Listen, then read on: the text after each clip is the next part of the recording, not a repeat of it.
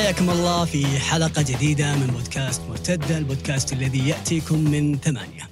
تحدثنا في هذه الحلقة عن ديربي الرياض الكبير في الجولة الخامسة عشر عن المباراة اللي شهدت حضور إعلامي ضخم وكبير جدا على المستوى المحلي والمستوى العالمي عن وداع ملعب بقيمة استاد الملك فهد والملعب التاريخي اللي ترك إرث كبير جدا لنا كمتابعين ومتيمين بكرة القدم. تحدثنا عن الأفكار والمنهجية التكتيكية الخاصة بالمدرب. خيسوس كاسترو برضو تحدثنا عن العقيدة التي تخلى عنها الهلال عن عملية الضغط اللي مارسها خيسوس على عملية البناء اللي حاول كاسترو أن ينتهجها وأدت إلى العديد من الأخطاء على مستوى التمريرات تمركز فرص الخطيرة حتى على مستوى الحالة الجدلية الأكبر في المباراة ألا وهي التسلل الذي يحتسب عن طريق تقنية التسلل شبه الآلي. أيضا تحدثنا عن النادي الأهلي والانتصار الكبير والضخم بسداسية عن تألق فيجا عن مشكلة أو الحلول اللي ممكن ينتهجها المدرب الألماني ماتياس يسلي في مسألة دخول فيرمينو في التشكيلة من عدمها أيضا تحدثنا عن النادي اللي عنده المشاركة الأكبر على مستوى الأندية السعودية المشاركة اللي الكل يرتقبها واللي الكل يتمنى اتحاد يقدم فيها مستوى عالي وعالي جدا عن المدرب جياردو والتجريب اللي جالس يحطه في التشكيلة على مستوى الأسماء، على مستوى العناصر، على مستوى الأطراف، على مستوى الأجنحة والأطراف وحتى على مستوى ثنائية بنزيما وحمد الله عن إصابة بنزيما، عن التحديات الكبيرة اللي واجهها الفريق ومدى قابلية الفريق للتعامل ما بعد بطولة كأس العالم للأندية. الآن وقبل لا ننتقل إلى الحلقة نشكر رعاتنا شركة صفا وتطبيق محلي. أما الآن نترككم مع الحلقة. صبحك الله بالخير يا ابو علي. هلا وسهلا يا أبو علي ثوب أزرق اليوم. لا في في مشكلة في الأزرق يا أبو علي لا حتى المويه زرقاء. من أجمل الألوان أتوقع يعني يقول الشاعر لو لم يكن أجمل الألوان ازرقها ما اختاره الله لون للسماوات السماوات أحسنت. هذا البيت الذي لم يغنيه كاظم الساهر في قصيدة أنا وليلى وما أدري ليش ما غناه يعني. طيب آه، لا توديني استطراد فني عشان ما أوديك استطراد آه، موضوع وش اللي بيدك هذا؟ هاي تذكرة تذكارية. المباراة الختاميه في آه، ملعب جميل. الملك فهد المباراة الملعب اللي له إرث وتاريخ كبير خليني أسألك أبو علي وش أول مباراة حضرتها الملعب؟ وقديم يا أخي ببان للناس إني كبير مرة اتذكر أول مباراة حضرتها كانت الهلال نهائي كأس المؤسس. هلا الأهلي. الهلال والأهلي أعتقد إنها كانت هدف آه، جاسم. جاسم الهويدي ذيك. ترى تصدق انه في من هدف متروفيتش؟ أيوه. انه أخذها كذا على ال... إيه، والله. تصدق إنه صار حتى نفس ال... نفس المرمى إذا ماني غلطان. بعدين رده كذا وحطها. جاسم كان يعني ترى لولا إصابة الرباط الصليبي اللي جاته في ذيك الفترة أتوقع إن جاسم كان بيكون واحد من أكبر الهدافين في تاريخ نادي الهلال. لأنه كان style مختلف يعني. ما هو مهاري مرة ولا هو بلاعب فنان مرة لكنه كان واحد يدل المرمى. يدل المره بعدين كانت كان خلينا نقول ثنائيته مع سامي إحنا مباراتين قديم. أي، كانت صحيح. جدا يعني نا- نادر تلقى لاعب يقدر يلعب مع سامي ويلعب سامي مع- مم. بس انت أبو علي وش أول مباراة بالنسبة لك؟ أنا جاب لي الهلال وجاب لي اليابان. نفس السنة. نفس السنة. نفس الطقم ذاك أتذكر أصلا. إيه كنت لا كنت لابس تيشيرت آه، رونالدو البرازيلي عرفت؟ أصفر كان الجمهور كذا إيش جايب نصراوي بيننا؟ شاكين فيني أنا صغير وقتها. بس إني طلعت أتذكر إني طلعت دقيقة 40 وشوي اهتز الملعب من خلفي. أيوة صحيح. على هدف سيرجيو الثاني اللي كان عرضيه الدوخ دوخ. إيه، ذاك الهدف. أنا أنا ذيك المباراة لها, لها مشاعر عندي ما أدري ليش. مم. يعني يمكن لنا أول مباراة والإستاد ترى له هيبه صحيح. وانت داخل زي تشوفهم بعيد هيبه هيبة أيوه أيوة، خاصه لما يكون مفلل زي الأحداث النهائيات ولا مباريات آسيوية أه تحس كذا إنه الملعب كبير مرة والأجواء تخوف. لكن أعتقد إنه وين كان عندنا حنين وذكريات كبيرة جدا مع الملعب لكن القادم أجمل بإذن الله تعالى. التطوير اللي راح يصير مستقبلا وراح يعود بحلته الجديدة والناس راح ترجع على الملاعب الكبيرة اليوم على مستوى العالم يمكن أشهرها ويمبلي. يعني ويمبلي وصل إلى مر- مرحلة إنهم هدوه ورجعوا بنوه مرة. ثانية لكنه ظل يحتفظ بنفس الاسم وظلت له نفس المكانة عند المشجع. لأن هذا الإرث ما تقدر تغيره بسهولة. بما ان الأجواء كانت فل والملاعب كان فل والتيفو كان جميل صحيح. وخلينا نقول حضور طاغي من صحف وقنوات و... وتغطية إعلامية كبيرة جدا شهدها الديربي. مو لأنها هلال ونصر. مو لأنها فيها رونالدو مثلا ومتروفيتش ولا ولا نيمار ولا أي لاعب آخر. بس مباراة بين المتصدر والوصيف. وكانت تقريبا هي مباراة الناس تقول لا الدوري لو فاز الهلال بيحسمه ولو فاز النصر بيصير الدوري يشعلل وإثارة مع إني أنا أختلف تماما مع توجه هذا الرأي لأن لسه إحنا نتكلم عن الجولة 15 لسه قدامنا تقريبا 17 19 جو يس بالضبط. وفيها توقف طويل شهر إلى شهر و10 أيام وما قبل التوقف لن يشبه ما بعد صحيح. التوقف. وعندنا مثال كبير على الموسم الماضي لما كان الشباب يتسلطن في أول عشر جولات متصدر والناس تقول إنه خلاص مساله وقت ويكون الشباب هو بطل الدوري. فجأة كذا جاء الانهيار بعد كأس العالم. عندنا أرسنال والسيتي في إنجلترا العام الماضي. يعني نماذج كثيرة جدا تقدر تقيس عليها. كيف رأيت المباراة؟ إذا تسأل عن المكان فأنا شفتها في البيت. آه لكن أعتقد إنه المباراة كانت في ظني أوفت بالوعود. يعني بكل التطلعات الكبيرة جدا اللي كانت عند الناس تجاه المباراة آه مباراة تكتيكية من الطراز الأول. آه يمكن نتيجتها 3-0 آه توحي لك أنه في طرف واحد كان يعني جيد في المباراة. أعتقد أن النصر أيضا كان له فترات جيدة في المباراة. كانت مباراة قريبة جدا من واحد واحد سنتيمترات بسيطة جدا. هدف رونالدو الملغي كان مباراة واحد واحد تروح سيناريو ثاني. أعتقد إنها من أكثر المباريات ندية وفيها أفكار مدربين واضحة شفناها من بداية الموسم وهي مباراة واصل فيها الهلال خلينا نقول نتائج ومستويات المميزة اللي كانت في الفترة الأخيرة. قبل ما نغوص أبو عالية في التفاصيل لو أنت بتشوف اليوم أرقام المباراة تأخذها كإحصائيات الهلال لأول مرة أنا أشوفها في مباراة من هالنوع نسبة استحواذ تكون أقل من 40% أوكي في فريق ثاني ممكن يفوز عليك بنسبة الاستحواذ يعني 55 45 تتكلم فوارق بسيطة لكن لو أنت تأخذها نسبة استحواذ الهلال فعليا ما كان الطرف المسيطر على الكرة في أغلب فترات المباراة لكنه كان فريق فتاك جدا. مباراة سجل فيها ثلاث أهداف. بعد الثالث شوف كم فرصة ضيعها الهلال. شوف في شوط المباراة الأول حجم الحسرة اللي خرج فيها المشجع الهلالي لأنه كان يعتقد أن كم الفرص اللي حصل عليها في شوط المباراة الأول المفروض الشوط يخلص بهدف أو هدفين بالنسبة للهلال. تأخذها في مجمل المباراة. الهلال على مستوى الفرص اللي حصل عليها كان ممكن ينهي المباراة برقم كبير جدا. شلون توصل لهذا المستوى من الخطورة؟ وهذا المستوى من الفاعلية وأنت الطرف الأقل امتلاكا للكرة. شيء ما يشبه الهلال أبو علي.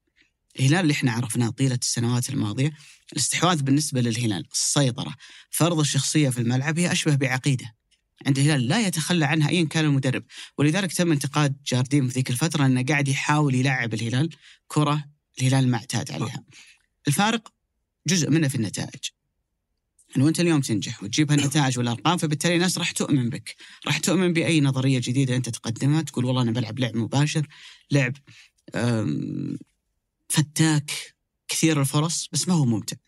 ما هو خلينا نقول فرجوي ما هي مباراة أنت بتتسلطن وأنت تتفرج عليها. عليها أو على الأداء اللي اللي موجود فيها لكن تأخذ الفترة الأخيرة الهلال مرعب جدا على مستوى النتائج عدد الأهداف اللي يسجلها إنه ما يستقبل أهداف إنه يكسب الأهلي والاتحاد والشباب والنصر وبنتائج ومستويات مقنعة جدا جزء منها زي ما قلت لك أبو علي النتائج تخليك تؤمن وجزء منها إنه اليوم عهد جديد بالنسبة للهلال ولكرة القدم السعودية، ما كان مقبول من جارديم لأنه أتى على أنقاض فريق لا تزال عنده الإمكانيات والقدرة إنه يلعب كورته اللي الناس تعودوا عليها، فبالتالي لما رجع دياز رجع الهلال للكورة اللي الهلال كان يتعود عليها، تتكلم عن فريق أكثر من نصف الفريق تم تغييره في الصيف الماضي. صحيح. ياسين بونو، كوليبالي، نيفيز، سافيتش، متروفيتش، مالكم تقريبا انت غيرت أكثر من نصف الفريق، العمود الفقري للفريق أنت غيرته، فبالتالي منطقي إنه أنت تروح إلى شكل ونمط جديد، العبرة في النهاية هي بالنتائج، صح اليوم أنجح الفرق على مستوى العالم. هي الفرق اللي تلعب وتستحوذ وتسيطر، لكن لما سئل انشيلوتي ذات يوم عن هذا الموضوع قال إنه هل الريال مدريد عنده هوية فنية واضحة؟ والصحفي اللي يسأل واضح إنه يربط الأمر ببرشلونة اللي عنده هوية التيكي تاكا واللعب الجميل. قال أحسن شيء صار لريال مدريد إنه ما عنده هوية. قادر إنه يتشكل مع ظروف المنافس مع ظروف المنافسة يرحل لاعب يجي لاعب تحس إن الفريق قادر إنه يتكيف على أكثر من طريق. مختلف الطرق اللي ممكن إنه يلعب فيها. فهي مزية كانت موجودة زي ما قلنا عند ريال مدريد. اليوم تشوف ان جيسوس يطبقها في الهلال. خلينا نقول لو بنعطي عنوان إن الهلال كسب مباراة الديربي وسع الفارق إلى سبع نقاط وخذ اللي يبغاه. وحسسنا كما لو أن المنافسة انتهت بالطريقة اللي الهلال ما هو متعود يلعب فيها. طالما هي فعالة طالما تعطي نتائج طالما توصلك الأهداف اللي أنت تبغاها صدقني ما في حد يقدر ينتقدها. يعني خلينا نتكلم بوضوح أبو علي. تام عن المباراة أو عن الهلال تحديدا. ممكن الحاجة الزايدة الظالمة الميزه الغير عادلة اللي اللي يمتلكها الهلال ضد كل أندية الدوري لما ينحط في مقارنة نادي مع الهلال تحس دائما الكفة تميل للهلال وهذا شيء يظلم بقية الأندية. الهلال دائما أبو علي هو رغبة المشجعين. هو هدف لكل المدربين وهو خلينا نقول لك أمنية لكل اللاعبين لأنه المكان اللي يقدر يوصلك لأي ليفل أنت تبغى توصل له في كرة القدم ممكن ابن نافل أخذ القرار الصعب والأقوى في ذاك الوقت ونزل التغريدة المليونية ذيك اللي اللي وحدت الصف ودائما لما الجمهور يقلب على مدرب اللاعبين يزيدون في عملية الضغط والإدارة تتخذ قرار الإقالة. لما وصل الضغط لذروته كان في تنازلات. تنازلات من جيسوس تنازلات من اللاعبين اتجاه بعض الأمور علشان خلينا نقول لك الفريق يمشي في الاتجاه اللي اللي يبغاه يبغاه إدارة الهلال. وفعلا توحدت هذه الصفوف توحد الفريق على مستوى أمور كثيرة اللاعبين اللي ما كانوا مؤمنين بالأفكار اللي كان جيسوس يبغاها أو يبغى يسويها. وطبيعي ترى ما يحبون هذه الأفكار. ليش؟ لأنها متعبة جدا على أي لاعب. يعني دائما أي فريق يلعب بضغط عالي man to man استحواذ في الرتم العالي في كل مباراة أنت تحتاج عامل واعداد بدني قوي جدا عند اللاعب. واللاعب دائما مو بذاك الطاقة أو مو بذاك الحمل البدني العالي جدا. على عكس الرياضات الأخرى فتلقاه يتضايق. أنا طيب اللعيبه الثانيين يلعبون عادي ليش أنا ألعب بهذه الأداء وهذا ال level العالي؟ فتلقى الأندية ذولي في الغالب يغيرون جوهر الفريق ثلاث سنوات ثلاث سنوات يتغير. كلوب مع مع ليفربول السيتي مع بيب جوارديولا حتى بيب لما طلع من برشلونة كان ما أق... okay بقدر أحفز هذا الفريق بس الفريق هذا ما راح يلعب جوع وضغط عالي مثل ما الشيء اللي أنا أبغى أوصل له. فخليني أقول لك الأسلوب أو المنهجيه اللي اللي انتهجها جيسوس زي ما قلت مختلفة تماما عن العقيدة اللي كان الهلال يلعب فيها في سنوات وسنوات طويلة جدا وتلاحظ علي في المباراة تلاحظ ان في عملية مبالغة مش مبالغة آه كل المدربين كل واحد يبغى يثبت إن طريقته هي الأفضل وهي الأنسب وكل مدرب يبغى يلعب بنفس. بنفس الفكرة اللي كان يلعب فيها وينتهجها طوال الموسم وتشوف قديش آه، جيسوس كان يعمل عملية الضغط للأمام في أعلى نقطة في الملعب حتى إنك تشوف ميشيل مع لابورت سعود يضغط على أليكس تيلس حتى كوليبالي يطلع من المناطق الخلفية تلقاه ضاغط على ماني. وكان يحاول يصعب المباراة على على فريق كاسترو اللي خلينا أقول لك تضرر كثير كثير كثير كثير في عملية البناء. هذا الشيء انتج ثلاث أربع فرص في أول 15 دقيقة محققة للتسجيل. ولا زال وقتها كاسترو مؤمن بالفكرة أو الأسلوب أو ال style اللي بنى عليه الفريق في الجولات السابقة. وما حب يغير في لحظة واحدة لما حس ان الضغط عالي، ليش؟ لأنه مؤمن إنه لو نجا مع مرور الدقائق نجا من عملية الضغط هذه نجا نجا نجا راح ينعكس على الفريق في مسألة إنه إنه لياقيا الخصم راح يتعب ما راح يمارس هذا الضغط طوال المباراة آه راح ينهار حتى على المستوى النفسي نتيجة ضياع الفرص الكثيرة جدا لما ترجع تشوف المرجع لهذه الطريقة أو لهذا الأسلوب اللي عمله كاسترو في الاستمرار بهذه الطريقة وعدم الرضخ لضغط الخصم هي مباراة الأهلي. الأهلي هي المباراة أو التحدي الوحيد اللي واجهه كاسترو في عملية الضغط الكبير اللي كان ينتهجها الأهلي على على مدافعي نادي آه النصر. وهذا خلى كاسترو يلعب الكرة الطولية اللي آه، تتجاوز خط الدفاع الأول وقدر يسجل منها الهدف الثالث هدف آه، تاليسكا على الأهلي. كان كرة طولية تجاوز فيها الخط ونجح هذا الأسلوب. بس إنه في الهلال وقت المباراة ما قدر يتجاوز. العقيدي اخطا لابورت أخطأ بروزوفيتش أخطأ أنا ما أتكلم عن اللعيبة حتى السعوديين الأجانب آه، تيليس أخطأ أوتافيو أخطأ يعني حتى اللعيبة الأجانب كانت عملية الضغط اللي كان الهلال يمارسها ناجحة. وكل الأسلوبين يا أبو علي لو تلاحظ ترى كلها فيها مجازفة. كاسترو يجازف في عملية البناء وخسس يبالغ ويجازف في عملية الضغط. لو بس وحدة ترى كم كرة كانت طلعت وكانت ممكن تسجل هدف وتكون خلينا نقول ضربه قاسمه للفريق ترى كلها كلها أسلوبين وفكرتين مو شرط. إحنا ما نقول إن فكرة كاسترو غلط أو فكرة جيسوس صح أو العكس هي هي أسلوبين وطريقتين. ممكن ما تلائم لعيبتك بس التنفيذ تنفيذ الأسلوب مع جودة اللاعبين لها دور كبير جدا في مسألة نجاعة التهور اللي أنت عملته كمدرب لنادي النصر أو كمدرب لنادي الهلال وهذا فرق على مستوى النتيجة. ممكن لو نتكلم شوي في تفاصيل المباراة في في عملية الهدف الأول اللي سجله الهلال ممكن تشوف أبو علي وهذه واحدة من أسوأ المباريات اللي اللي لعبها العقيد. العقيدي أنا أحبه وفنان على مستوى أمور كثير. يعني حتى في مسألة خصوصا في مسألة الانفرادات رجل كان يشيل كوارث في نادي النصر ومساحة 40 50 متر كنا نتكلم عنها دايم بين المدافعين نفس هدف الطائي. نفس هدف الأهلي نفس هدف أندية كثير كانت في هذه المساحة. كان يغطيها دائما العقيدي ولكن مسألة البناء على عملية الضغط الكبيرة كانت هي الاختبار الأول للحارس الاختبار الأول لعلي لجامي الاختبار الأول للابورت لفريق في الدوري السعودي بهذه القوة. وأخطأ في كورتين يعني واحدة على خط الستة ومد شنو ضاعت والثانية اللي طلع فيها وحسب فاول على على متروفيتش. الثالثة اللي جاء منها الهدف هو بالبداية لعبها بشكل سريع. وهذه فكرة كاسترو. يعني جاء ضاغط أنا لازم ألعب المرتدة بشكل سريع جدا بحيث إني أكون أقرب إني أقابل واحد على واحد ألقى المساحة. وهنا ترى عملية ضغط الهلال. يعني لما كانت الكرة تطلع في منتصف ملعب الهلال ترى لو الهلال مو هو واقف صح في الحالة الدفاعية لو مو هو واقف قريب من الكرة وعلى خط واحد لازم تكون قريب من الكرة على خط واحد عشان الأوفسايد. يعني في كثير من الحالات كان اللعيبة قريبين ووراهم مساحة كبيرة بس إنهم على خط واحد. وجت حالات تسلل كثيرة ممكن عشر حالات تسلل في المباراة. وسجل الهلال الهدف اللي اللي كان متوقع في هذه المباراة على النصر. عرضية وبالراس. سويت كذا إحصائية. كم تسجل على النصر هدف من كرة ثابتة؟ يعني الهدف الثاني كان كرة ثابتة. الهدف الأول آوت تقريبا يعتبر كرة ثابتة وكلها عرضيات. هدف الفيحاء الجوله اللي راحت والقبل راحت. هدف الوحدة هدف الأهلي في بلنتي.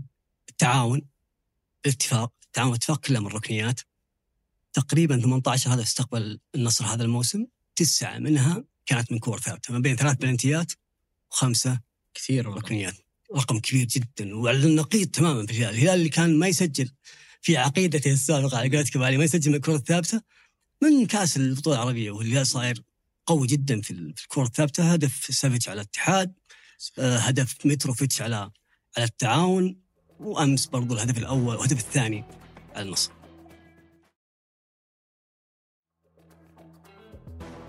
أعتقد أن أبو علي يمكن اللي شكل المباراة. خلينا نقول صنع تفوق الهلال فيها هي نجاح الهلال في مسألة الضغط العالي على النصر وتصعيب عملية إخراج الكرة من مناطقها الدفاعيه خلينا نحط افتراض. نجيب لاعبي الوسط والهجوم في الهلال والنصر والاتحاد والأهلي ونسوي لهم اختبارات بدنية. وناخذها على مستويين مستوى السرعة. مين فيهم أسرع؟ وعلى مستوى التحمل لو قلنا والله سباق طويل زي الماراثون من اللي بيتعب قبل الثاني؟ أنا أتوقع إن وسط وهجوم الهلال حياخذ المركز الأول في الثنتين. والمركز الأخير في الثنتين قد يكون وسط وهجوم النصر أو الاتحاد واحد بينهم. ليش؟ لأن في كم كبير من اللعيبة اللي أعمارهم تجاوزت الثلاثين تكلم عن رونالدو تكلم عن بروزوفيتش تكلم عن ساديو ماني وفي لاعبين كسولين في عملية الضغط مثلا. زي تلسكا وفي لاعب ثقيل الحركة زي فوفانا بتروح الاتحاد نفس الكلام على بنزيما وحمد الله والبقية يمكن الأهلي ماكسيمان لكن البقية جيدين إلى حد ما في الموضوع هذا فبوضوح وسط وهجوم الهلال في الجانب البدني هو متفوق على وسط وهجوم الأندية اللي هو قاعد يتنافس معها. مباراة من هذا النوع الهلال ما كان راح يقدر يلعب بالأسلوب هذا أو ما كان راح ينجح فيه بشكل كبير لو نيمار كان موجود. صحيح لكن لأن كل اللي موجودين تحت المهاجم عندهم وفرة في الجهد، عندهم سرعة في الحركة، شرسين في عملية الضغط، الهلال كان ناجح إنه يضغط بهذا الأسلوب على النصر، للعناصر تأثير كفرد. لكن أحيانا أيضا منظومة الضغط نفسها مهمة اللي يشكلها المدرب. خلينا ناخذ أول 26 دقيقة أبو عالية كان فيها عدة فرص خطرة للهلال، لكن في منها أربع فرص بوضوح كانت من عمليات ضغط ناجحة. دقيقة اثنين مالكم ضغط على بروزوفيتش بروزوفيتش كان معطي ظهره. مالكم ظهره قطعها أعطاها متروفيتش وبعدين راحت جنب القائم. دقيقة ثلاثة ميشايل يضغط على أوتافيو يفك الكورة منه وبعدين اللي لعبها عرضية لسالم وسالم قلشت رجله وطارت الكورة فوق. دقيقة 13 متروفيتش يضغط على نواف العقيدي الكورة تنقطع من نواف. تروح لميشايل المرمى فاضية بس ميشايل ما يسجلها والدقيقة 26 نيفيز يضغط على فوفانا يفك الكورة يعطيها ميشايل ميشايل يعرضها اللي حاول يطير لها متروفيتش ولا جابها. اللي بتلاحظ أبو عالية أربع عناصر مختلفة من الهلال يضغطون على أربع عناصر مختلفة النصر. من النصر والنتيجة واحدة أنك أنت لما تقرر تعمل ضغط عالي أنت تجبر النصر على ارتكاب أخطاء الهلال ما قدر أنه يسجل من خلالها لكن الشيء الواضح أنك أنت على الأقل قدرت أنك تخنق النصر في هالجانب. تدري وين الفارق الواضح أبو عالية بين الهلال والنصر؟ كم مرة شفت النصر يحرج الهلال في عملية الضغط؟ يعني في مباراة من هذا المستوى. خلينا نفترض اليوم فريقين قويين وجاهزين بدنيا زي ليفربول والسيتي. تلقى بيب يخنق كلوب. تلقى كلوب يخنق بيب. صحيح. كل واحد منهم يمارس نفس الأسلوب على الثاني. ليش؟ أنا ما راح أخليك تلعب راحتك. راحتك. كلنا شعرنا إن الهلال ما كان مخلي النصر يلعب على راحته. هل جاك شعور إن النصر قادر يزعج الهلال في هذا الجانب. هل جاك شعور إن علي البليهي أو كوليبالي أو نيفيز مهدد إنه يرتكب خطأ في نصف ملعبه بسبب عملية الضغط اللي كان يسويها النصر؟ فعليا النصر ما سبب أي مشاكل من هذا النوع للهلال طوال المباراة وفي ظني إن المشكلة والفرق الواضح هي في الجاهزية البدنية. النقطة اللي قلت لك عنها لو نسوي اختبارات بدنية أنا متأكد إن الهلال بياخذ الأول. وشبه متأكد أن النصر بياخذ الأخير. إذا ممكن أحد ينافسه فهو الاتحاد. فهذا فارق واضح ما بين الفريقين في الجانب البدني. أضف عليها يمكن تكلمنا في حلقات سابقة أن إعداد النصر ما كان مثالي ومن هنا إلى نهاية الموسم الموضوع هذا راح يبان. بينما الهلال جيسوس على الأقل في مباراة الأهلي زي اللي خلينا نقول رن جرس تنبيه فريق هذا بدنيا ترى ما هو سهل.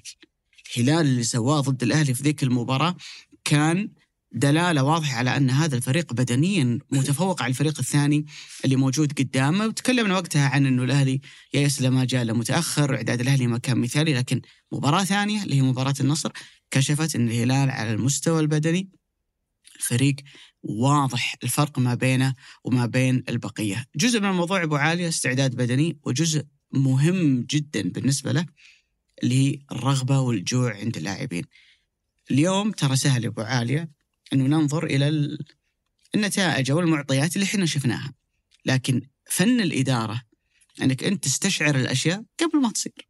عشان كذا فيه إداري مميز واحد من بين ممكن مليون شخص. اليوم عرفنا إن جلب مدرب عايش معك في المرحلة الأولى اللي هي المرحلة الانتقالية 2019 اللي هو جيسوس جلبة لمرحلة تشبهها في 2023 كان قرار حكيم من فهد بن نافل. واليوم عرفنا إن جلب لاعبين إذا جاز توصيفهم إنهم لعيبة class B في أوروبا اللي جايين من ولفرهامبتون ومن فولهام ومن لاتسيو هو أفضل من جلب لاعبين جايين من مانشستر يونايتد وليفربول وأفضل الأندية بس مستوى الرغبة والطموح عندهم أقل. أقل. أنا ما أقول ان ماني وكريستيانو رونالدو ما كانوا يبغون يكسبون المباراة. جزء من الموضوع الرغبة وجزء من الموضوع استعداد بدني. فرق بين لاعب عطشان وجوعان زي متروفيتش وعمره 38 28 سنة. وبين لاعب هو في جيناته زي كريستيانو إنه متعطش بس مشكلته إنه عمره 38 سنة. فأنت تأخذها على الجانبين جانب الرغبة وجانب العمر والاستعداد البدني. فأقول لك اليوم أدركنا إن التعاقد مع هذا النوع من اللاعبين قد يعطي نتائج أفضل من إنك تجيب السوبر ستار الصفوة النقوة على مستوى العالم وانه حتى لما يكونون في أعمار صغيرة وعندهم تعطش أكبر نفس الكلام قلناه عن جيسوس، اليوم هذا واضح بالنسبة لنا. لكن من اللي فكر فيه من الصيف؟ هذا الفريق اللي اليوم فارق بسبع نقاط عن صاحب المركز الثاني و11 نقطة عن صاحب المركز الثالث صدقني من الجهل إنك أنت تعتقد إن هذا الفارق جاء بالمصادفه. أو إنك تعتقد إنه مجرد توفيق أو ان لا في تخطيط. في أنت لما كنت في هذه المرحلة الكل قاعد يفكر بطريقة وأنت حاولت إنك تفكر بطريقة مختلفة عنهم فبالتالي أنت حصلت على النتائج، صح إن النتائج اللي قاعدة تصير مع جيسوس خلينا نقول فاقت كل التوقعات، أنا متأكد. فهد بن نافل هو نفسه ما توقع اني بعد 15 جوله بكون فايز في 13 ومتعادل في ثنتين، هو نفسه ما كان متوقع اني بفرق بسبع نقاط، وأحيانا إنك تفرق. إي بالضبط، هو ما كان متوقع إن الموضوع بيعطي نتائج سريعة، لكن على الأقل تشعر انه تعاطى مع الموضوع بطريقة آه، مختلفة زي ما قلت لما كان الضغط كبير عليه لما كان تقريبا ما في حد واقف معه في مسألة ال- الإبقاء على جيسوس هو كان ينظر إلى أنه الفريق هذا يحتاج وقت، الفريق هذا تم إعادة تشكيله في وقت سابق، قاعد يلعب أسلوب جديد ومختلف، مع الوقت راح يعطي الموضوع نتائج أكبر. آه الهلال أعتقد إنه اليوم الفارق اللي موجود ما بينه وبين الآخرين هو في إطار العام فني لكن في تفاصيله بدني وفي تفاصيله على مستوى الرغبة والحافز اللي موجود عند اللاعبين وجزء أيضا من تفاصيله الإرث واعتياد هذا الفريق على المنافسة وتعوده على أنه ينافس على كل البطولات. لازم ما ننسى أبو عالية أنه راح لعب في القصيم. ورجع بطيارة للرياض. خمسين. وبطيارة من الرياض راح لأوزبكستان. ومن أوزبكستان رجع مرة ثانية. بينما منافسك كان موجود في الرياض خلال الفترة الماضية، الظروف ما كانت مثالية للهلال لكن جزء من نجاحك إنك أنت جربت إنك تنحط في الموقف هذا أكثر من مرة. لما أنت تكلمت عن غرفة الملابس سلمان حتى وهو ما يلعب كم مرة عاش هذا الموقف؟ كثير. سلمان عاش عاش موقف إن الهلال ينحط تحت الضغط تجي فترات من الموسم يكون الفريق لابد إنه التركيز يكون في أعلى مستوياته، كل لاعب يضحي بدنيا، كل لاعب يعطي أفضل ما لديه، أعتقد إنه الهلال وجوده اليوم في هذه المكانة وهذا الفارق النقطي اللي موجود ما بينه وبين الآخرين بإمكانك أن ترمي الموضوع على أي سبب لكن أعتقد إن الهلال استحق أن يكون في هالمكان. يعني تذكر تصريح كنو في ال في ال كذا آه سياق على سياق كلامك تصريح كنو بعد بعد إحدى المباريات البطولة العربية قال إن أسلوبه مدرب صعب جدا وصعب إن نفهم يحتاج وقت عشان نطبقه 100% وواضح انه كان أسلوب صعب جدا على اللاعبين. وأسلوب جديد ترى. يعني. ما أتذكر أنا نادي في الدوري السعودي لعب بعملية الضغط هذه في مساحات وجراءة ضخم يعني كبيرة جدا في حتى الارتداد. لكن تشعر ان الفريق بدأ يتشرب هذه الطريقة وتواجد لاعبين بقيمة سافيتش بقيمة آه، نيفيز حتى كوليبالي وغيرهم من الأسماء. عندهم هذا النوع من من طريقة اللعب عارفينها. يعني كوليبالي لما تم التعاقد معه واتذكر زين كنت أقول عنه انه إنه واحد من أفضل اللاعبين أو أفضل المدافعين في العالم ولكن عنده مشكلتين. والمشكلتين هذه هي أصلا سبب الميزة اللي هو يمتلكها الجراءة. جراءته في الضغط يضغط في أعلى نقطة وجريء. صح. وبرضه جريء في ال pass. ال pass يلعب تحس انه ها بيجي مو بجاي. شفت اللقطة اللي. أخذ فيها تقريبا لاعب لاعبين ثلاثة أربعة. يروح إي. style لوسيو سو أنت كنت جاهز شيء بالتاريخ مم. إلى أحد الناس اللي من أحد اللاعبين اللي الاحب إلى قلبي.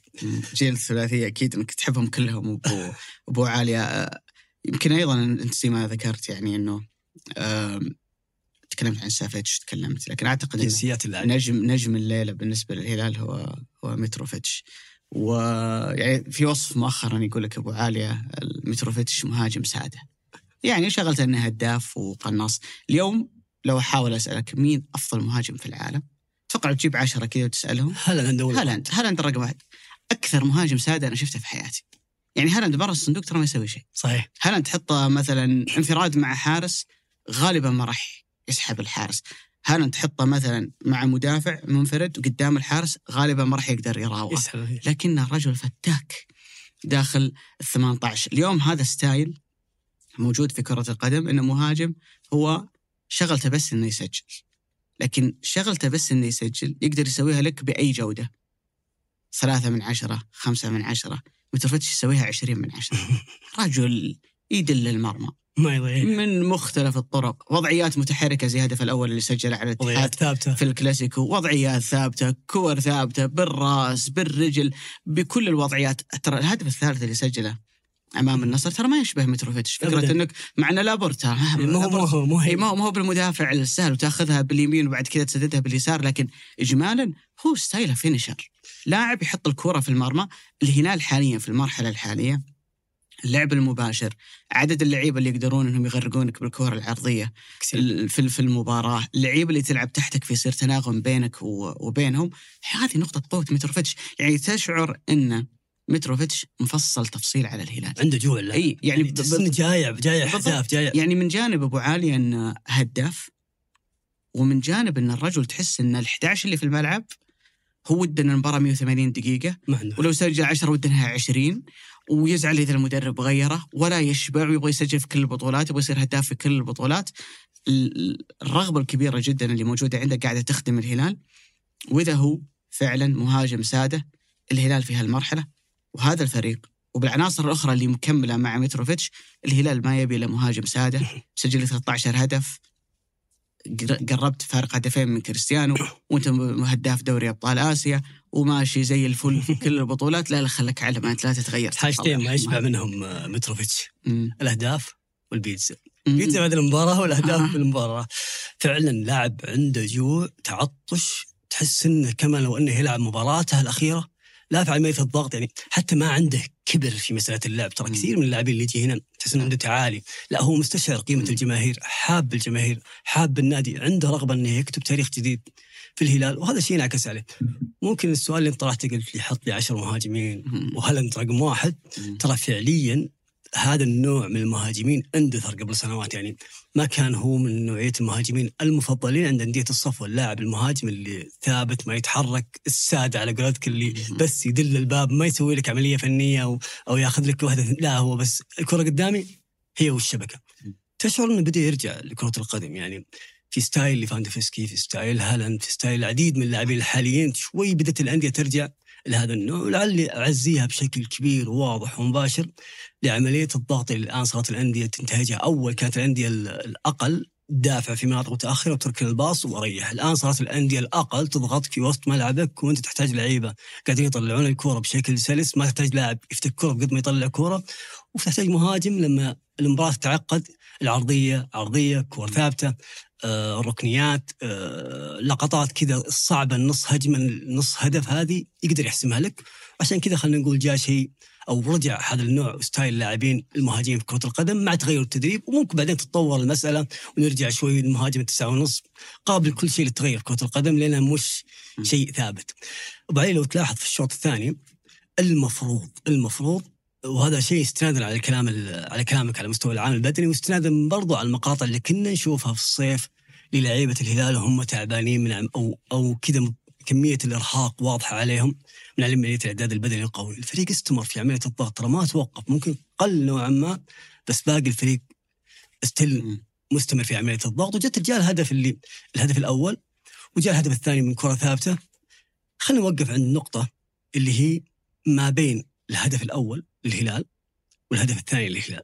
تقريبا نتكلم عن 25 آه، دقيقة. 25 دقيقة حرفيا نفس ما قلت ما تشبه الهلال ما هي من ستايل الهلال، الهلال تعود إنه لما ينحط 1-0 متقدم والفريق الثاني يبغى يرجع بالنتيجة، الكرة لما تجيني واستلمها أنا يا بونو أو أي لاعب ما ألعبها سريع ويلا خلينا ناخذ ارتداد سريع ونلقى المساحه اللي ورا لا، الهلال يستحوذ يهدي يقتل رتم المباراة، يقتل المنافس نفسيا بالاستحواذ، يلعب باص باصين ثلاثة فالمنافس يبغى ياخذ الكرة بسرعة عشان يرجع يسجل هدف بسرعة فتلقاه يترك مساحات خلفه فيسجل الهلال.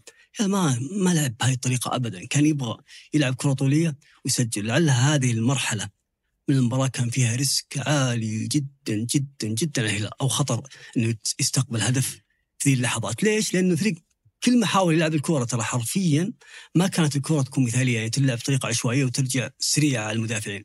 وتكررت في أكثر من حالة. لين جت الحالة اللي هي ال icon في المباراة. يعني الهدف اللي التسلل الشبه آلي اللي حسبها وقفة رونالدو قدام بونو ثم بعدها كاسترو يوري الحكم. شوف الهدف تحس لقطة كوميدية. است... انتشرت في كل وسائل الإعلام المحلية والعالمية. ولكن خلينا نوقف هنا نسترجع أو نعرف كان ذكي ذكي ذكي رونالدو جدا. جدا عمليه عمليه إنه يضغط على لا إنه يضغط إن الحكم واعطى إشارة انه ما فيها شيء. إذا استأنف اللعب نفذ بونو ذيك الكورة. حتى لو الدنيا كلها تقتنع أن الهدف صحيح خلاص الهدف انت, انت فعلا لو ليش؟ لأنه رونالدو يعرف زين النظام القانوني يعني الخاص بالتسلل الشبه الآلي. نظام التسلل الشبه الآلي هو يعتمد على 12 كاميرا لكن شرحناها أكثر من مرة. 12 كاميرا على سقف الملعب وحساس في الكورة، الحساس اللي في الكورة هذا يرمي العديد والعديد من البيانات اللي اللي صعب العقل البشري إنه يشوفها أو يحللها فيحللها الاي اي اللي هو الذكاء الاصطناعي ويعلمك متى لعبت الكورة بدقة عالية جدا والكاميرات اللي فوق تساعدك في عملية إنك تحط الخط ولكن القرار في النهاية الأول والأخير في هذه الحالة بعد ما تجي الإرسال وياخذ نص دقيقة تقريبا كحد أقصى القرار في النهاية حكم الفار.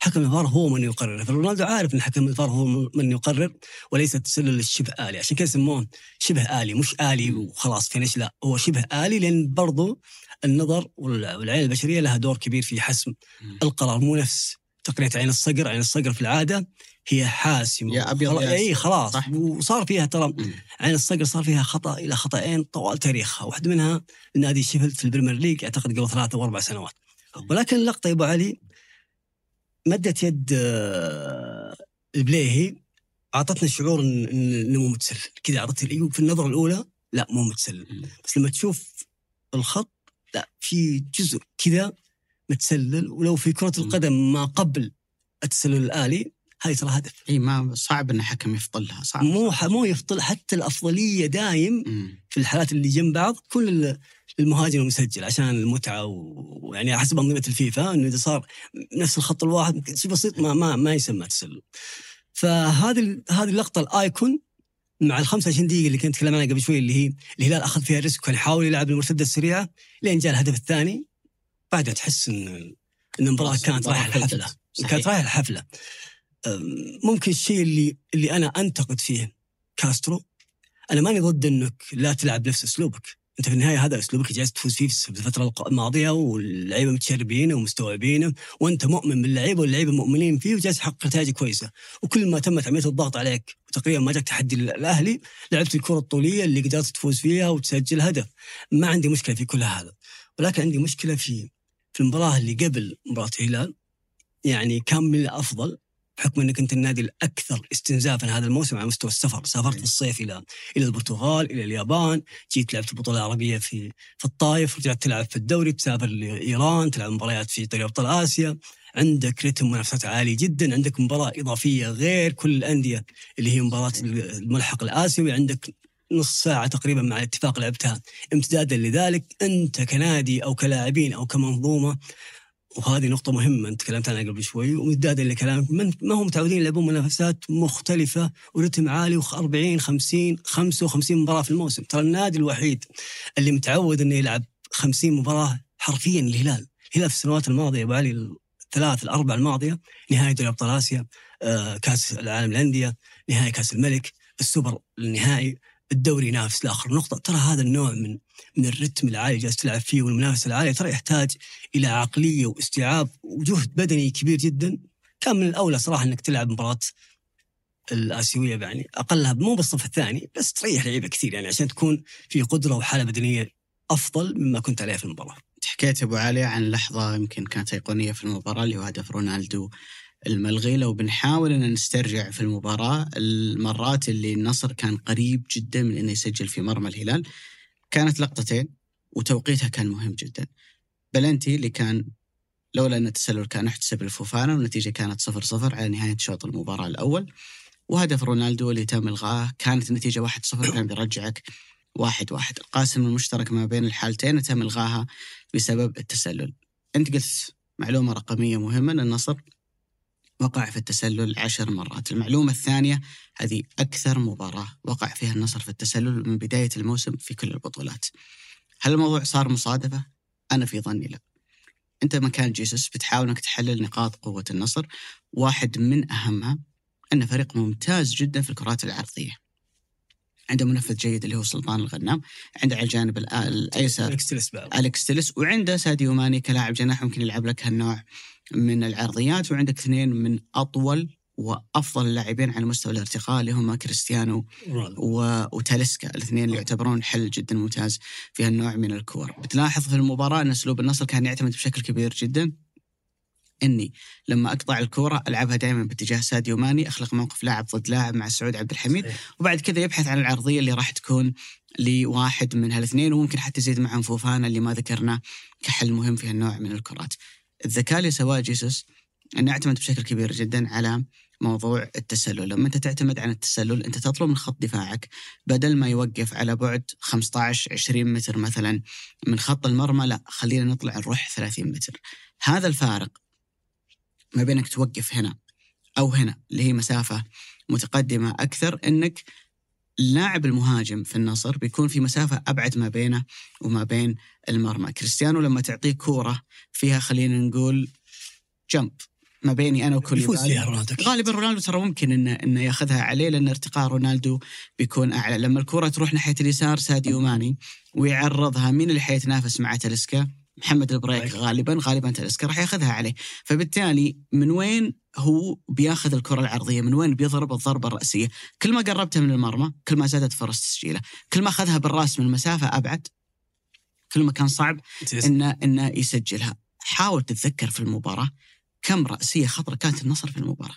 أنا ما اتذكر ولا ما واحد. في ولا واحدة وإذا في فهي من مواقف ثابتة ما هي من لعب مفتوح ومواقف متحركة لأن جيسوس كان دائما يخلي خط دفاعه متقدم عن حارس مرمى فبالتالي أنا أبعدك عن المرمى وحتى يكون فيها مجال لياسين بونو إنه لو أنت المهاجم هذا كان تايمك عنده كويس وقدر إنه يضرب خط دفاعي يقدر ياسين إنه يطلع وياخذ الكورة وعشان كذا بتلاحظ ان النصر وقع كثيرا في موضوع التسلل كانت خطرة جدا لكن أنت تراهن على أدواتك.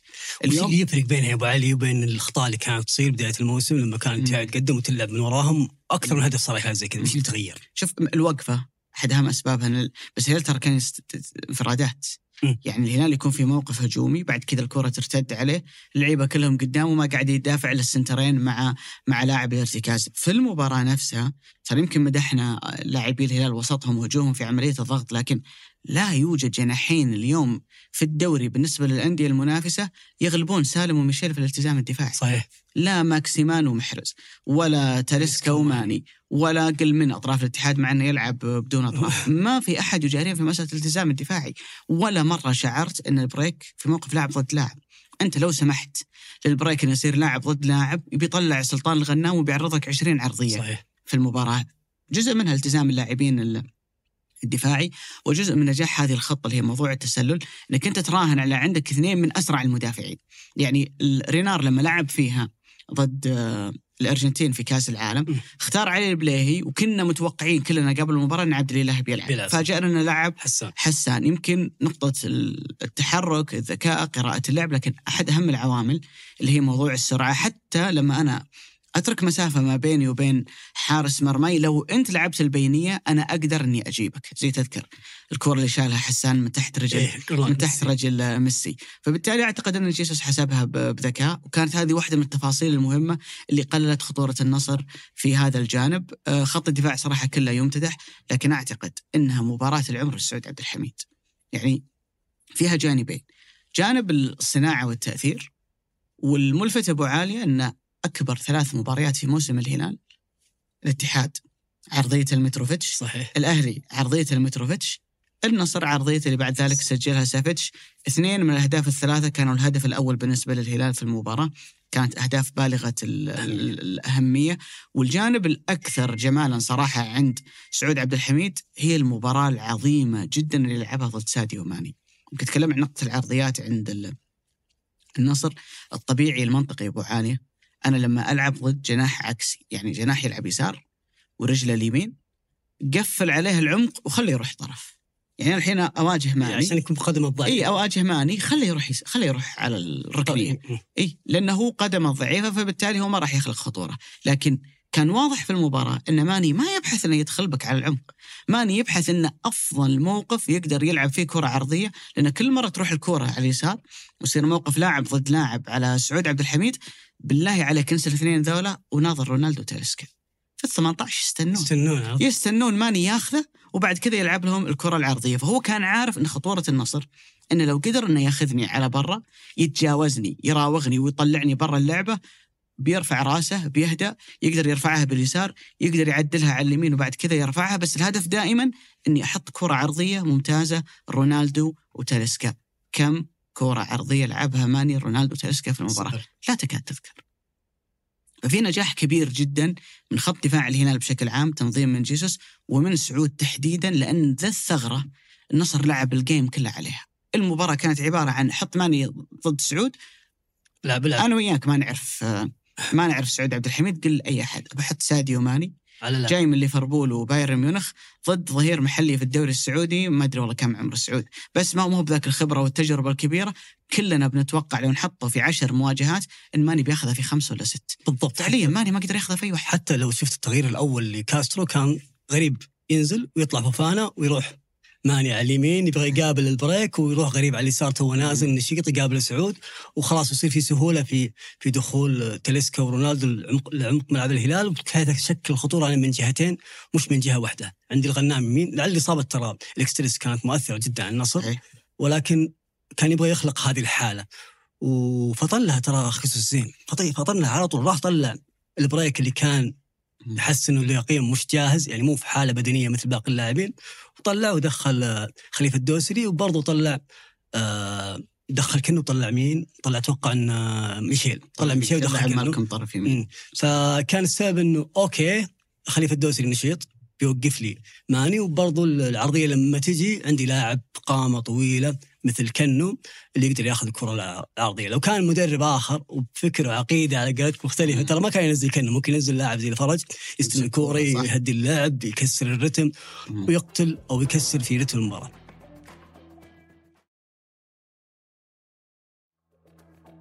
هذه يا أبو علي رابع مباراة النصر يتأخر بالنتيجة في الدوري هذا الموسم. الثلاث مباريات أو الأربع مباريات يتاخر فيها النصر بالنتيجة هو ما خسر ثلاث مباريات. كلها كان متأخر فيها بالنتيجة وما قدر يرجع في المباراة. المباراة الوحيدة اللي قدر بعد ما كان متأخر إنه يفوز بالجيم والماتش كانت مباراة ضمك. وهذه ممكن تكون كذا بعدها علامة استفهام. ونشوف بعدين وش بيصير في مثل هذا النوع من المباريات اللي تأخر فيها النصر. هل النصر بيقدر يرجع؟ هل النصر إذا إذا حس إن الخطر ترى المباراة اللي رجع فيها مع ضمك كانت هدفين من كرتين ثابتة. صحيح. اللي سجلها رونالدو في في ظرف خمس دقائق. فهذا خلينا نفتح سؤال كذا أو قوس وما نكتب فيه شيء الحين. بنكتب فيه بعدين. إيش ممكن يصير للنصر لما يتاخر لو تكرر إيش ممكن يكون الحل؟ هل الفريق جالس يخدم أو جالس يفقد طريقته وأسلوبه ويحس بالضغط وما عنده الثقه في هذه في هذه الأدوات اللي يملكها وحتى في الطريقة اللي هو ينتهجها في حال تأخر بالنتيجة؟ هل الفريق يستعجل في عملية البناء اللعب؟ تراه برضه انحط في هذا الموقف في البطولة الأسيوية ضد في الملحق ضد أهلي أهلي دبي أو شباب أهلي دبي ورجع في آخر تقريبا دقيقة من الرجل يعني ما كنا نتوقع إنه يسجل سلطان. غنام فخلينا نقول سؤال نخليه مفتوح إن شاء الله ونشوف مع مرور الجولات إيش ممكن يصير؟ هو المشكلة في النصر إنه المرحلة الجاية في عندها عدة تحديات. يعني مثل ما أنت ذكرت جدولة المباريات، تراجع الجانب البدني اللي موجود عند اللاعبين وأهم من ذلك كلها العامل النفسي كيف أنا أرجع للمنافسة مرة ثانية. وفي فارق نقاط كبير ما بيني وبين الفريق المتصدر، اللعيبه ممكن يتسلل إليهم شعور إحباط ويأس إنه الدوري خلص أو إحنا نحتاج إنه نعمل دور ثاني خرافي واستثنائي. وعلى أمل إنه الهلال يرتكب بعض الهفوات اللي بعد كذا إحنا ممكن نرجع من خلالها. ولكن أنا بقول كلام أنا قلته في في حلقة سابقة.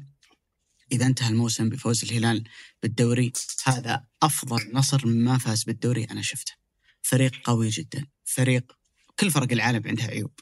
كل فرق العالم عندها نواقص. لكن اللي وسع الفارق أكيد الست نقاط اللي فقدها في البداية وإن الهلال قاعد يعمل دور أول استثنائي. يعني لا يحدث في كل موسم أن فريق يجيب 91% من مجمع من مجموع النقاط الممكنة.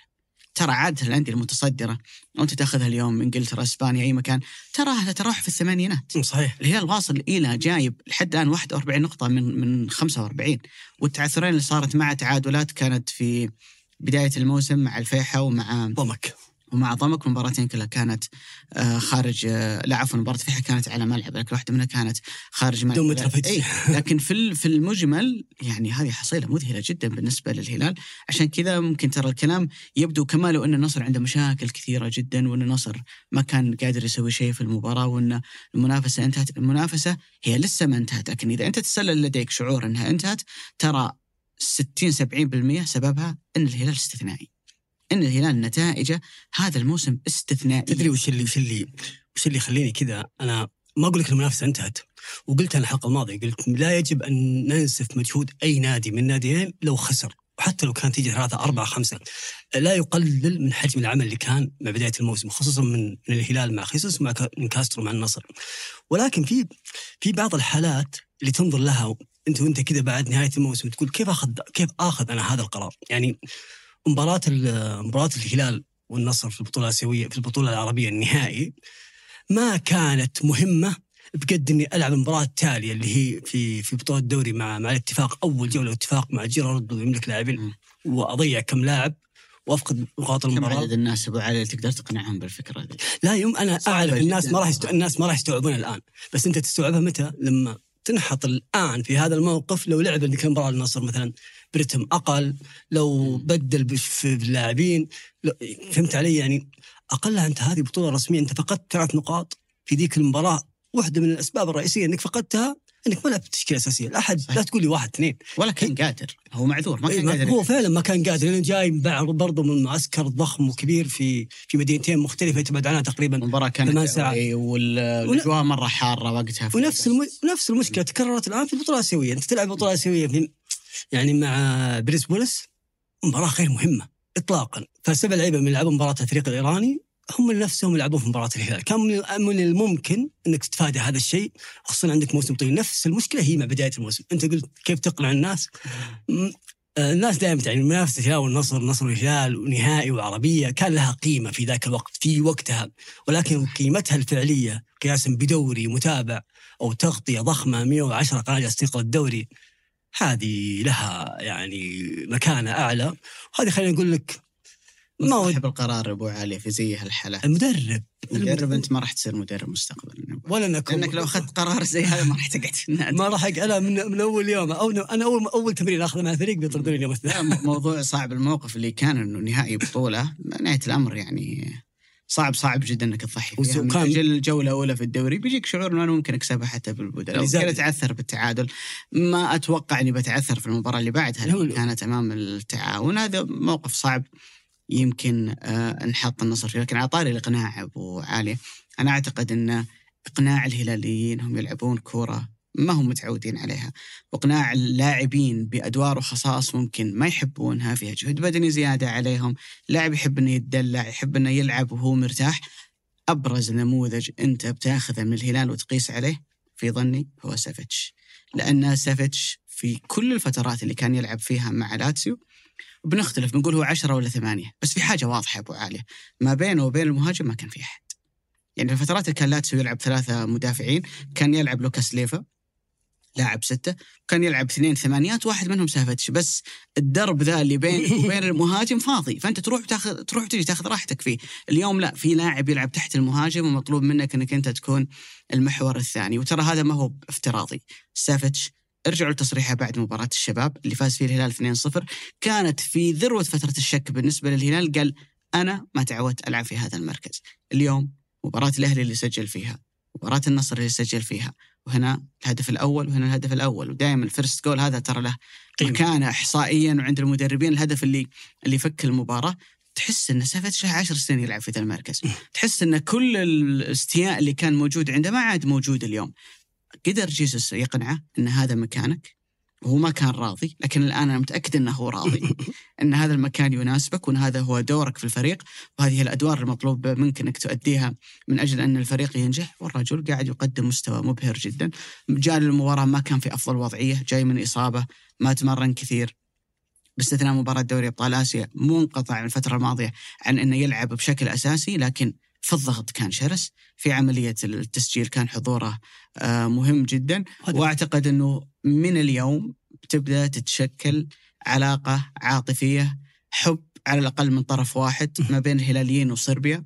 ما أدري عاد الصرب يبادلونهم نفس المشاعر لكن وجود متروفيتش وسافيتش الاثنين في الهلال والتأثير الكبير جدا والتناغم الكبير جدا اللي ما بينهم المستفيد والرابح الأول منهم. ترى لسه ما شفت أنت الشيء الثاني في سافيتش القدم القوي اللي يملكه تراه ده والله هذه علي ما شفناها من بداية. صدق بداية موسم. ترى أنا مستغرب يعني انظر الهدف ذا اللي يعلقها في الزاوية اللي ما تدري إلا هو شايتها. بعدين ما يحسك ترى وقتها مع إني بيشوت. يعني مو زي اللاعب اللي دقال الجمهور شوت لا شعل لا لا لا هو يشوتها كذا إذا حس انها بتجي تجي هدف.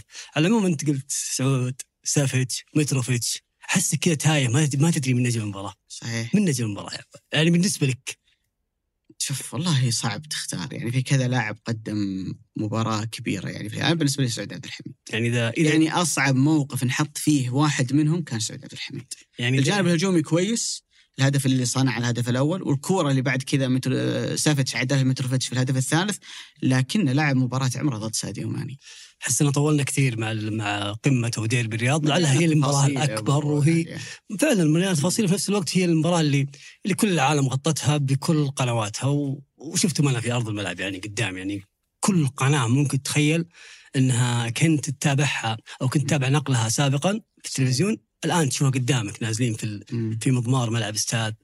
أو مدينة الملك فهد الرياضي. وأبو علي ما راح يحضر المباراه في الملعب ولا يقول لنا في الحلقة عشر مرات إنه كان حاضرها في الملعب. ما حضرتها في الملعب هجيت مشيت. لا بس إنك كنت موجود يعني الاجواء بس هذا وانت حولهم حواليهم كم مرة قلتها في الحلقة. طيب خلينا نروح شوي لفوز ساحق للأهلي نتيجة كبيرة جدا على أبها، أبها كذا النادي المتناقض اللي اللي فاز على الشباب تعادل مع النصر خسر الأربعة مع مع الفيحة مع الوحدة الآن يخسر طلع الأهلي من كأس الملك. طلع أيوه طلع الأهلي من يعني تشعر إن الفريق هذا رد اعتبار فريق كذا متغير يعني مش ثابت. صحيح الأهلي عمل رد الاعتبار حتى على مستوى التغريده اللي نزلوها.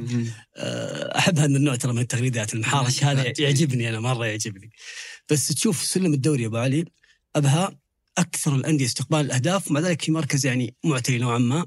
وترى هو مختلف عن النصر، النصر مستقبل 18 هدف وفي أندية اتفاق الاتفاق ال- الفيحة اتحاد ترى استقبلوا أقل. ولكن في مركز متأخر. بينما الأهلي واجمل أو أفضل مباراة ممكن كان ينتظرها مشجع الأهلاوي لا من هات لا من هدفين فيجا وهدف ملغي بداية التسلل صناعتين من فيجا ست أهداف كرنفال يعني أشبه بمباراة كذا ممتعة لمشجع الأهلاوي حتى على مستوى التشكيل والطريقة يا أبو علي. هي إعادة للمباراة السابقة واللي قبلها. اللحظه اللي قرر فيها ماتياس يسلي إنه يغير الرسم ويلعب بالأربعة أربعة واحد واحد أو الأربعة أربعة اثنين. ولكن اللي استغربته أو ما توقعته أن اللحظة اللي بيدخل فيها فيرمينيو بعد هذا الغياب أنه بيدخل بدال فراس دخل بدال فيجا ولعب مكان فيجا وكأن ماتياس يسلي خلاص آمن أن مكان فيرمينيو مو مهاجم مكان تحت المهاجم. أيوه وإنه وجود فراس مهم. وضروري وأكيد إنه قاعد يعيش فترة جدا ممتازة. مع الأهلي. يمكن جانب الحنكة خانني في ال Fantasy في عدد من اللاعبين لكن نجح نجاح باهر مع مع فيجا لأني توقعت إنه في الفترة الأخيرة التغيير الرسم التكتيكي اللي سواه يا يسلو تحويله من لاعب ثمانية على اليمين إلى ان لاعب يلعب تحت المهاجم وتكون عنده حرية في عملية الزيادة. جاب نتيجة وقدم مباراة صراحة كانت عظيمة جدا أمام آه، أبها. نحاول أبو عاليه نحلل الأهداف الستة. ونمشي عليهم هدف هدف. ترى بنلاحظ فيهم نقطة مهمة جدا. الهدف الأول كانت تمريرة طويلة. جابري فيجا ضرب خط الدفاع. تمريرة طويلة وراء دفاع. آه، أبها أخذها وانفرد. وسجل. الهدف الثاني هجمة مرتدة. قطعها أبها. أعتقد أنها كانت ركنية أو فاول جانبي وارتد فيها فراس البريكان مع بقية العناصر ونفس الفكرة. تحول رأسي إلى أن وصل إلى مرمى نادي أبها. الهدف الثالث اللي كانت عرضية وضربت في في فراس ودخلت هدف الهدف الرابع أيضا كانت سدة. هي أعتقد أن كيسي اللي. سجلها إذا ما كنت مخطئ. الهدف الخامس والسادس هي كورة تكون على أقصى الطرف ويعمل فيها جهد فردي جابري فيجا ورياض محرز ويسجلها بدون ما يمر على أي لاعب ثاني. لا يباصي لك وترجع لي. ولا عرض لك ولا أي حاجة.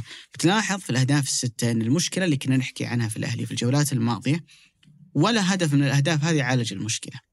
اللي هي فكرة وجود مهاجم وإني أنا أطلع الفريق إلى الثلث الهجومي وأسيطر وأستحوذ وأبدأ أحاول أدور الكورة. وينك يا المهاجم؟ الفينشر اللي أنت بتخلص لي هذا الهدف، الأهداف كلها. أما إني ألعب رأسي يعني ما أروح كثير باتجاه ال- الأطراف أو إنه جهد فردي من من قبل ختمهم دفاع متقدم ال- اللاعبين، الدفاع المتقدم اللي أنت حكيت عنه لمباراة أبها ارجع وتفرج على مباراة 4 2 اللي خسر فيها. أعتقد إنها 4 2 اللي كانت أمام الاتحاد الاتحاد. في ملعب الأمير عبد الله الفيصل. صحيح. وشوف المساحات اللي لقاها بنزيما صحيح. وكورنادو في ذيك المباراة. الأسبوع اللي بعده لعبوا الديربي ضد ضمك أربعة. وخسروا أربعة وكانوا يعانون من مسألة الدفاع المتقدم. هي لحظة جميلة جدا بالنسبة للمشجع الأهلاوي لكن لن تجد كل يوم فريق يرتكب أمامك هذا الكم من الأخطاء. ما نقول الكلام هذا والله تقليلا من فوز الأهلي ولا تقليلا من المستوى اللي قدم الأهلي ولكن لأنك أنت تشعر أن أنت عندك مشاكل حكينا عنها إن أجنحتك ما يسجلون، ما في ربط ما بينهم، ما تشعر إنه ولا هدف أو فرصة خطرة شفت أنت يعني بكثرة كنموذج متكرر في الموسم انه في تناغم ما بين الاثنين، إن الهجمة تبدأ عند محرز والفينش يجي عند ماكسيمان على الجانب الأيسر صحيح. أو العكس، أو انه في تناغم مع المهاجم التسعة اللي هو لاعب المحطة اللي بيساعدهم يخدم عليهم، المباراة لم تعالج هذه المشاكل. خدمك أن الفريق اللي ضدك. أعطاك مساحات كبيرة جدا في في الهجمات المرتدة، يلعب بدفاع متقدم. وأنت عندك لعيبة سريعين زي فراس وزي جابري فيجا لسه صغار لسه فريش. يقدرون يطلبون الكوره في المساحات اللي هي الميزة اللي ما هي موجودة ابدا في محرز وماكسيمان. فبالتالي انت أنت سجلت. لكن هي مباراة أنت تقدر تبني عليها للجاي.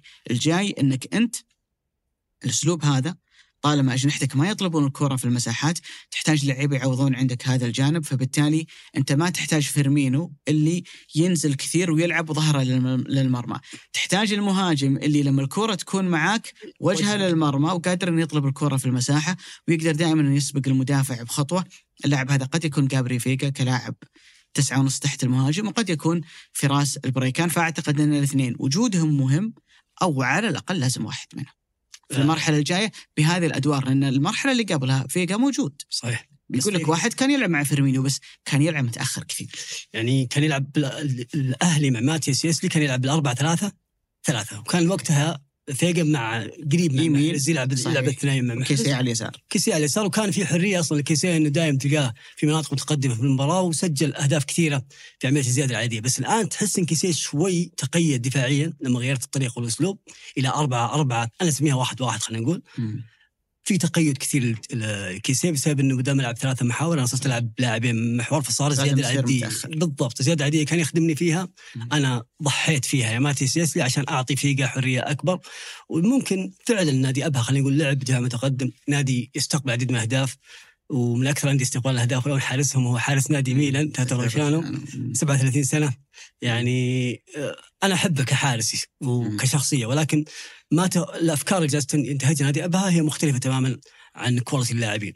على العموم تسجيل أو الفوز بنتيجة ستة okay هو ما حل مشاكل كثيره في الاهلي على قولتك ولكن أعطى شوي فيجا أكيد.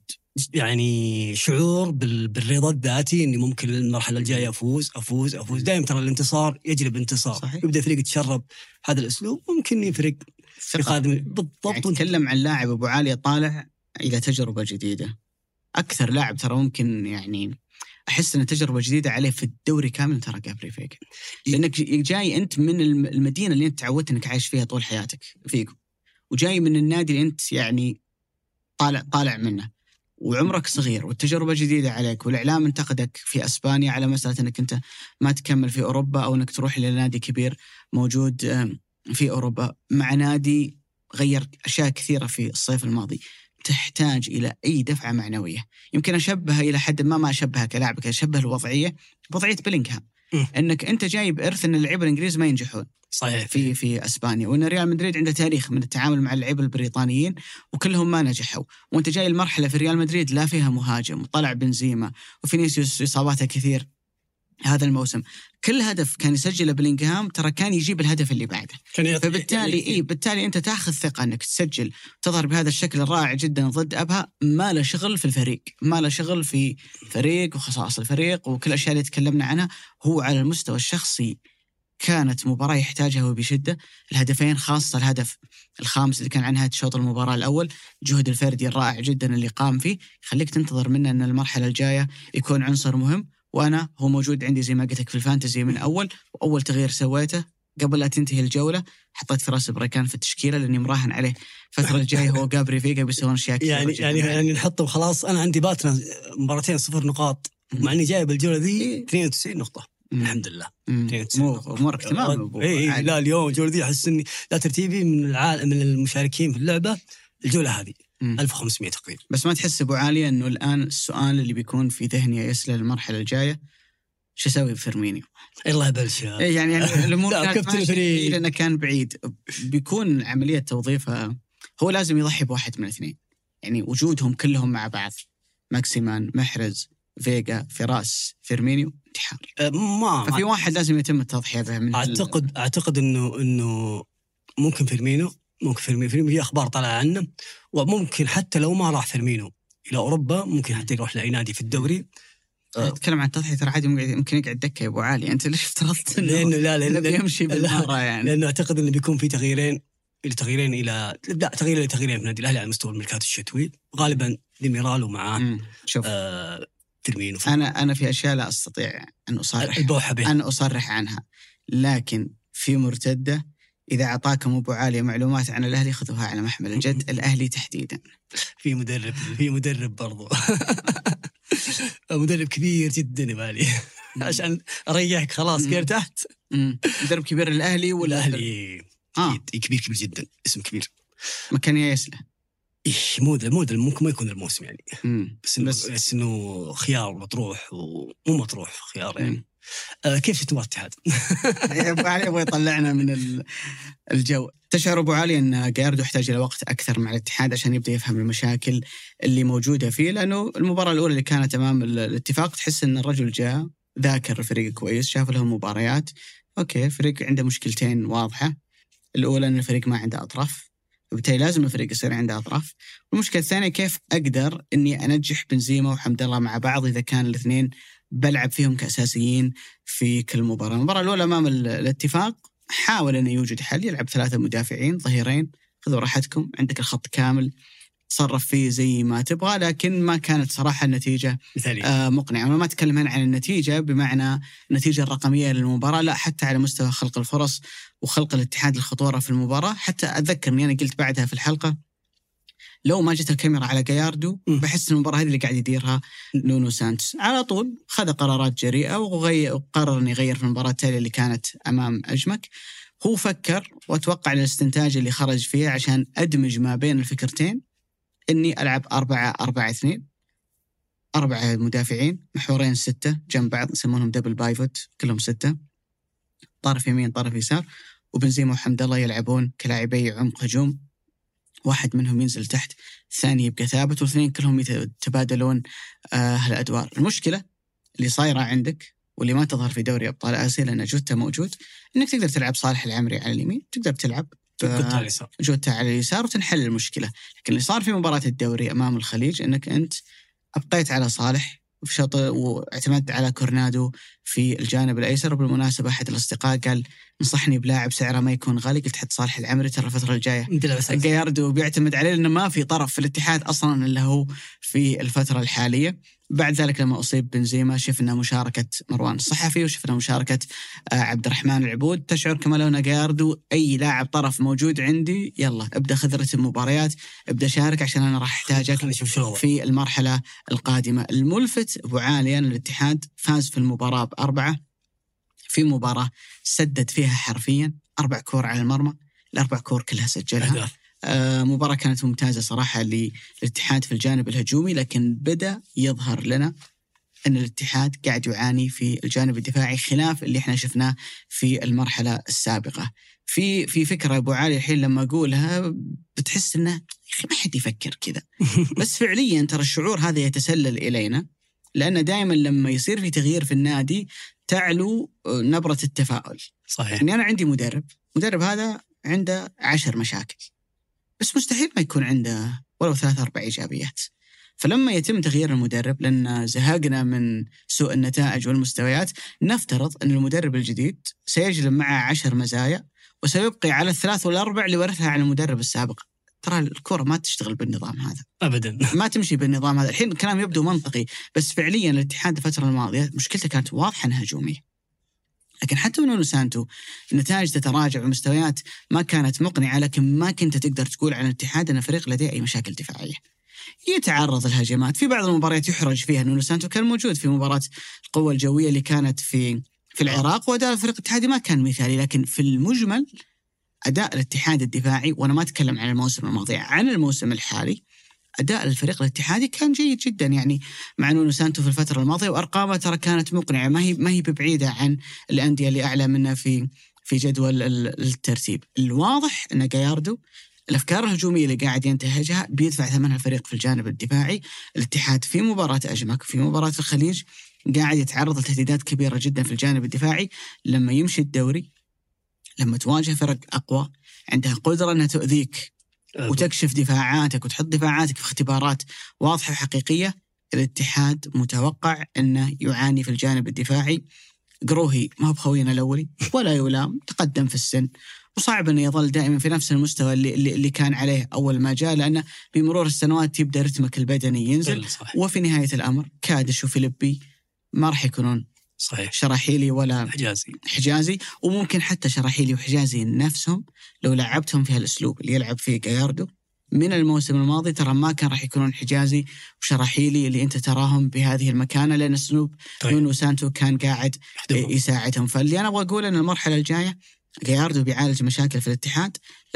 استعدوا لظهور مشاكل أخرى. لم تكن تظهر مع نونو سانتو لأن وجود مدرب جديد لا يعني بالضرورة إنك ستحتفظ بمزايا المدرب السابق. هذا يعني إنك راح تولد مشاكل جديده راح تحل مشاكل ملاحظ إني تشاؤمي اليوم أبو آه،. الاتحاد والأهلي فايزين وأنا قاعد أحذر جمهورهم من القادم. لا مش تشاؤمي بس إنه ترى فعلا يعني آه لا والله كنت متشائم صدق. انك والله المشكلة الناس عندها لابس غامق ناس. ناس عندها كاس.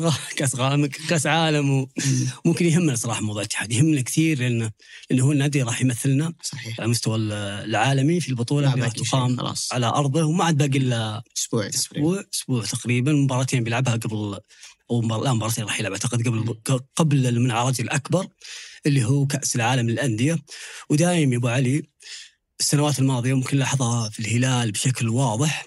الهلال كان دايم يعاني في الموسم اللي يكون عنده نهائي دوري أبطال آسيا في في أكتوبر. عنده كأس عالم في آه، في شهر آه، ديسمبر. صحيح.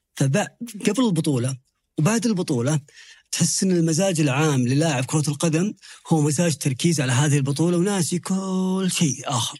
فلما يلعب هذه التنافسية والبطولة هذه يرجع تحس إنه ما عاد هو بذاك الشغف اللي اللي كان معاه بداية الموسم. يحتاج إلى مباراة مباراتين ثلاثة لين يرجع نفس الرتم. وكان الهلال دائما يعاني ويعاني كثير في هذه اللحظات. كان الناس تسأل دائما تقول ليش الهلال في جزء من الموسم وكل السنوات ترى اللي كان فيها بطل لآسيا وكان يشارك فيها في كأس العالم للأندية كلها بلا استثناء. كانت الفترة هذه اللي هي شهر شهرين الناس تقول إيش في الهلال؟ كذا المستوى طايح الأداء باهت بس ما في مشكلة واضحة أو شيء ممكن تستند عليه.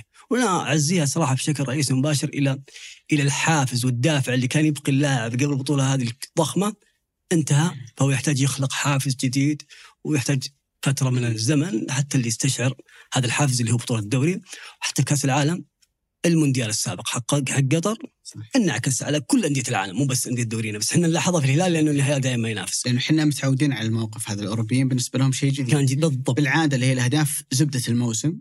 مثلا خلينا نقول دور الأربعة ونهاية وماي. أوروبا هذه تصير في نهاية الموسم م. كأس العالم يجي بعد نهاية الموسم بعدها تأخذ إجازة تنسى الكورة ترجع موسم جديد, جديد مختلفة. مختلف ممكن تكون بالضبط. لكن لما يكون زبدة الموسم عندك جاية في الوسط هذه تخلق مشكلة بالنسبة لك وأعتقد ابدا أبو علي أنت ما أنت قاعد تبالغ في النقطة هذه جدا في مقابلة بعد المباراة كانت مع كريستيانو رونالدو في مباراة والله ناسي الفريق بس إنها كانت أول مباراة بعد أسبوع الفيفا رونالدو قال وقتها إنه تحتاج إنك تطلع من جو وترجع في جو ثاني. متروفيتش أيضا قالها ترى في تصريح بعد واحدة من المباريات إنه وهي تتكلم عن تصفيات كأس أمم أوروبا بالنسبة لهم. والجولات. الأولى يعني الدور الأول بالنسبة لنا مرحلة الذهاب بالنسبة للدوري يعني ما تتكلم عن أهداف مرة كبيرة يعني ما تتكلم عن نهائيات كأس أمم أوروبا صحيح. ولا مباراة حاسمة في الملحق مثلا. ومع ذلك هو يقول لك إنك تجد صعوبة أو ما أنت مرتاح إنك تطلع من جو وترجع في جو ثاني. ففعليا إنك تركز في المباريات الجاية. أنت تخاف على عضلاتك تمزق. إصابة تمدد زي اللي صار البنزيما ترى ممكن يطلعك برا البطولة. فبالتالي عقل اللاعب وتفكيره هو منصب للاستحقاق القادم. ولما ينتهي تحس. إنه كذا يحتاج وقت حتى يرجع. هذه هذه هي المشكلة وش هي؟ إنه بينتهي الدوري ما راح ينتظرك. ما راح ينتظرك يقول لك والله مع يلا خذ أسبوع 10 أيام آه، جدد نشاطك فيها وارجع لي مرة ثانية. برضو أنت أنت عندك بطولة آسيوية بعدها حتى عملية الحافز بطولة امم آسيا والبطولة الأفريقية عند اللعيبه الأفارقة الموجودة في الدوري يعني الدوري هذا الموسم خلينا نقول لك صعب صعب جدا صحيح. على مستوى كل الأندية. في منعرجات في لفات. قلت حاجة مهمة يا أبو علي إنه إنه جاياردو جالس يطالع في الدكة في الفريق في الأسماء جرب حط. شيل نزل يعني شفنا ظهير ايمن سويلم من هالي طال حجي شنقيطي يسار شفنا بابا مسعود شفنا زكريا. تحس إنه جالس يجرب بيجرب وبيظل يجرب. يستكشف. و- وعادي. والفريق ترى أعتقد أنا ما مش يعني تفاؤلي بدرجة كبيرة ولكن الفريق بيظهر بمظهر مختلف في البطولة العالمية، الجو العام مختلف، الشغف مختلف، حضور الجماهيري مختلف، رغبة اللاعب مختلفة وبرضه حجم المنافس اللي راح تلعب معه لو كنت في دور سواء دور الثمانية أو دور الأربعة ما أعتقد إنه راح يكون شيء يعجز أو يعجز عن نادي الاتحاد انه يتجاوزه بالدعم الجماهيري الكبير جدا. صحيح هو منعرج مهم جدا يا أبو عاليه بالنسبة للاتحاد آه خلينا نقول تشعر إن كل شيء متوقف في الاتحاد على هذه المشاركة إما إن الفريق يؤدي فيها بشكل رائع فبعد ذلك ممكن تغير موسمه أو لو ظهر فيها الفريق لا قدر الله يعني بصورة أقل من المأمول أعتقد إنه ستلقي بظلالها على ما تبقى من موسم الاتحاد لكن بإذن الله تعالى إنهم يبيضون الوجه. يا رب يا الله يعطيك العافية بالي الله يعافيك. شاكر لك أحس أخذت كلام عني الحلقة ذي عشان تذكرة مم. هذه هذه هذه تتبروز وعاليه. وتنحط وين؟ بنحطها هنا إحنا. سوي لنا متحف هنا في. يعطيك العافية الله يعافيك.